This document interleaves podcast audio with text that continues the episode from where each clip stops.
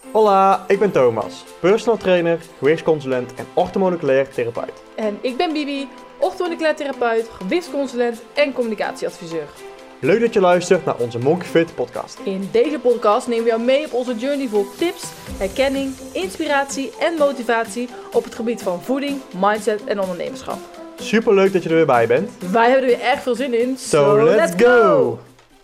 Hi hi, welkom bij een nieuwe podcast van Monkey Fit.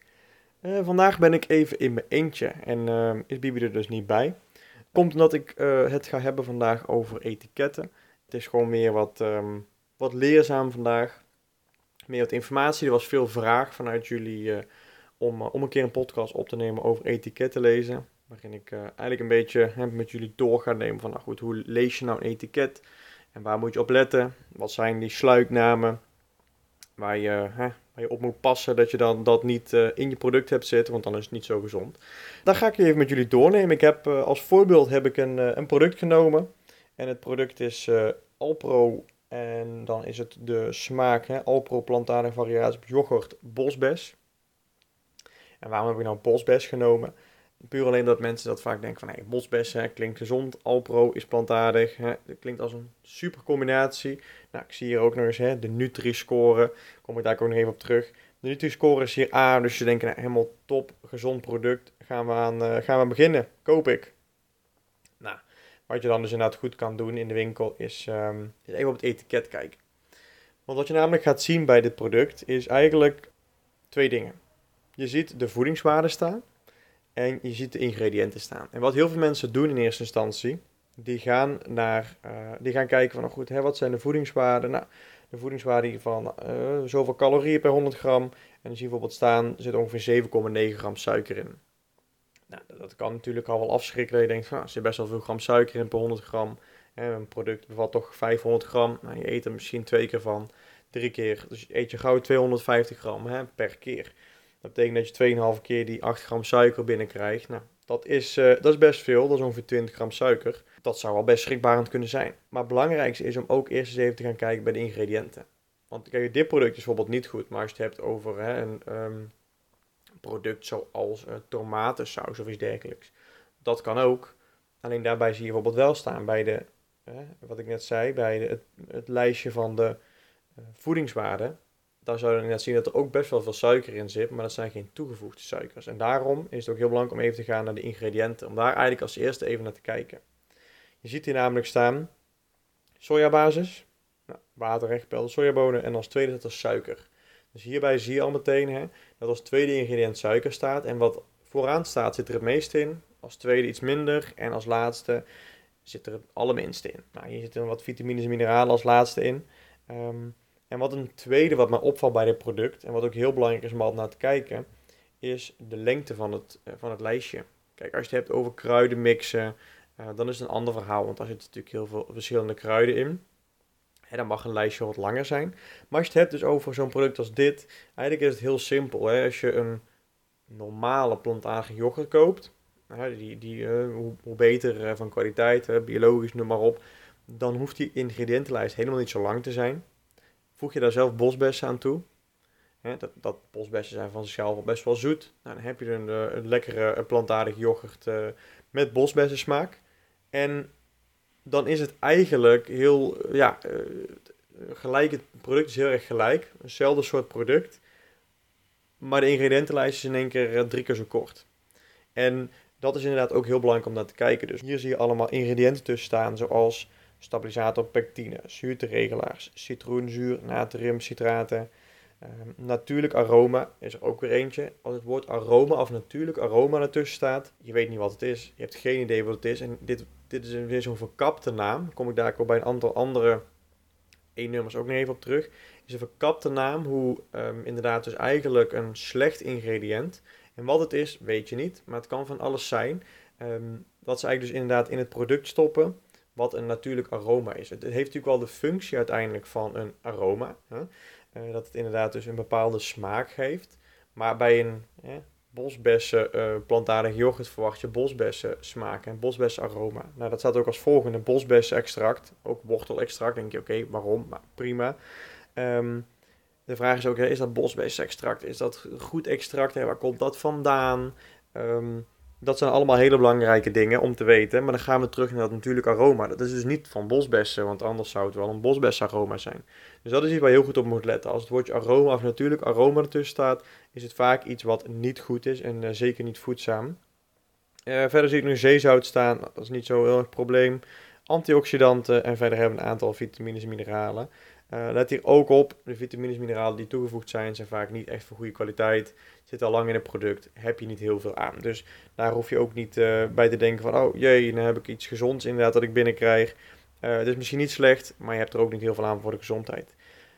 Zo zie je dat het lijstje best wel lang is. En ik sla nog best veel dingen over, hè, moeilijke namen allemaal. Is, on, is onnodig, want ik zeg al, je kan ook gewoon een product kopen. Hè, een, ik noem het op, een amandel of een haveryoghurt of een kokosyoghurt. En daar voeg je zelf bosbes aan toe.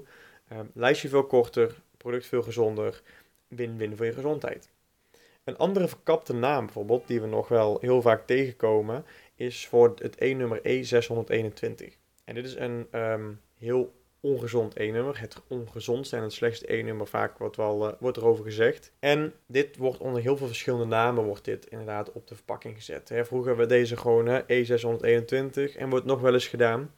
Maar tegenwoordig zetten ze heel vaak als gistextract erop. En mensen denken vaak, oh dit is gewoon extract van gist. Dus het zit vaak in bouillonblokjes bijvoorbeeld. Ook in gewoon uh, goede bouillonblokjes, bijvoorbeeld van uh, goede merk. Bijvoorbeeld en zou je bijvoorbeeld wel zeggen, een goed merk. Zit het ook nog vaak in. Let hier heel erg goed op. Dit wil je gewoon niet in je producten hebben. Heel slecht voor je lichaam. Mensen krijgen hartkloppingen van, hè, uh, zweetaanvallen. Gewoon vermijden. Dus E621 of gistextract, dat zijn eigenlijk de meest gebruikte namen. Het wordt ook wel eens vetzin genoemd of MSG. Die namen worden niet zo gebruikt op de producten, omdat die erg bekend zijn. Is meer of het E-nummer wordt gebruikt, of inderdaad het, uh, de naam gistextract. Nou, dat is inderdaad dit product. Dan ga ik nog heel even ook naar die uh, tomatensaus waar ik het over had. Want dat is een leuk, leuk voorbeeld. Kijk, hier heb ik een, een mooi product gevonden inderdaad. Dit is de biologische pasta saus basis basilicum van het, van het Albert Heijn eigen merk. Um, komen we ook weer even bij die Nutri-score. Net zeiden we Nutri-score A. Dat, uh, dat zagen we terugkomen inderdaad bij het uh, product van Alpro. En er zat best wat suiker in, toegevoegde suiker zoals we zagen. Er zaten um, stoffen in zoals de natuurlijke aroma's.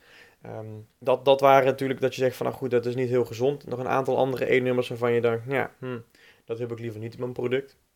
Dit is een biologische tomatensaus. Dus je weet, hè, de tomaten en al, eigenlijk alle ingrediënten, 95% van de ingrediënten moet biologisch zijn om het uh, keurmerk biologisch te krijgen.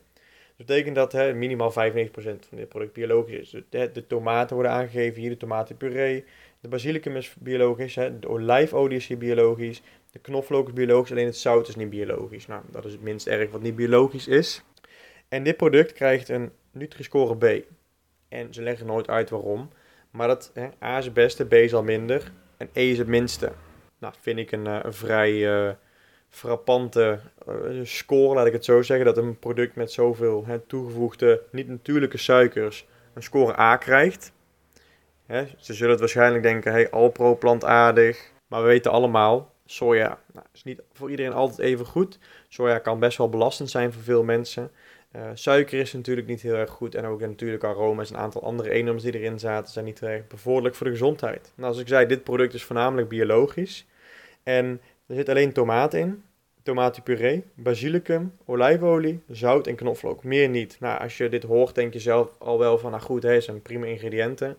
Um, maar zou je ook hierbij weer eerst naar die voedingswaarde kijken, als ik al zei wat veel mensen doen, maar wat niet goed is, dan zie je bij de voedingswaarde ook weer staan waarvan suikers, de koolhydraten van suikers, 5 gram per 100 gram.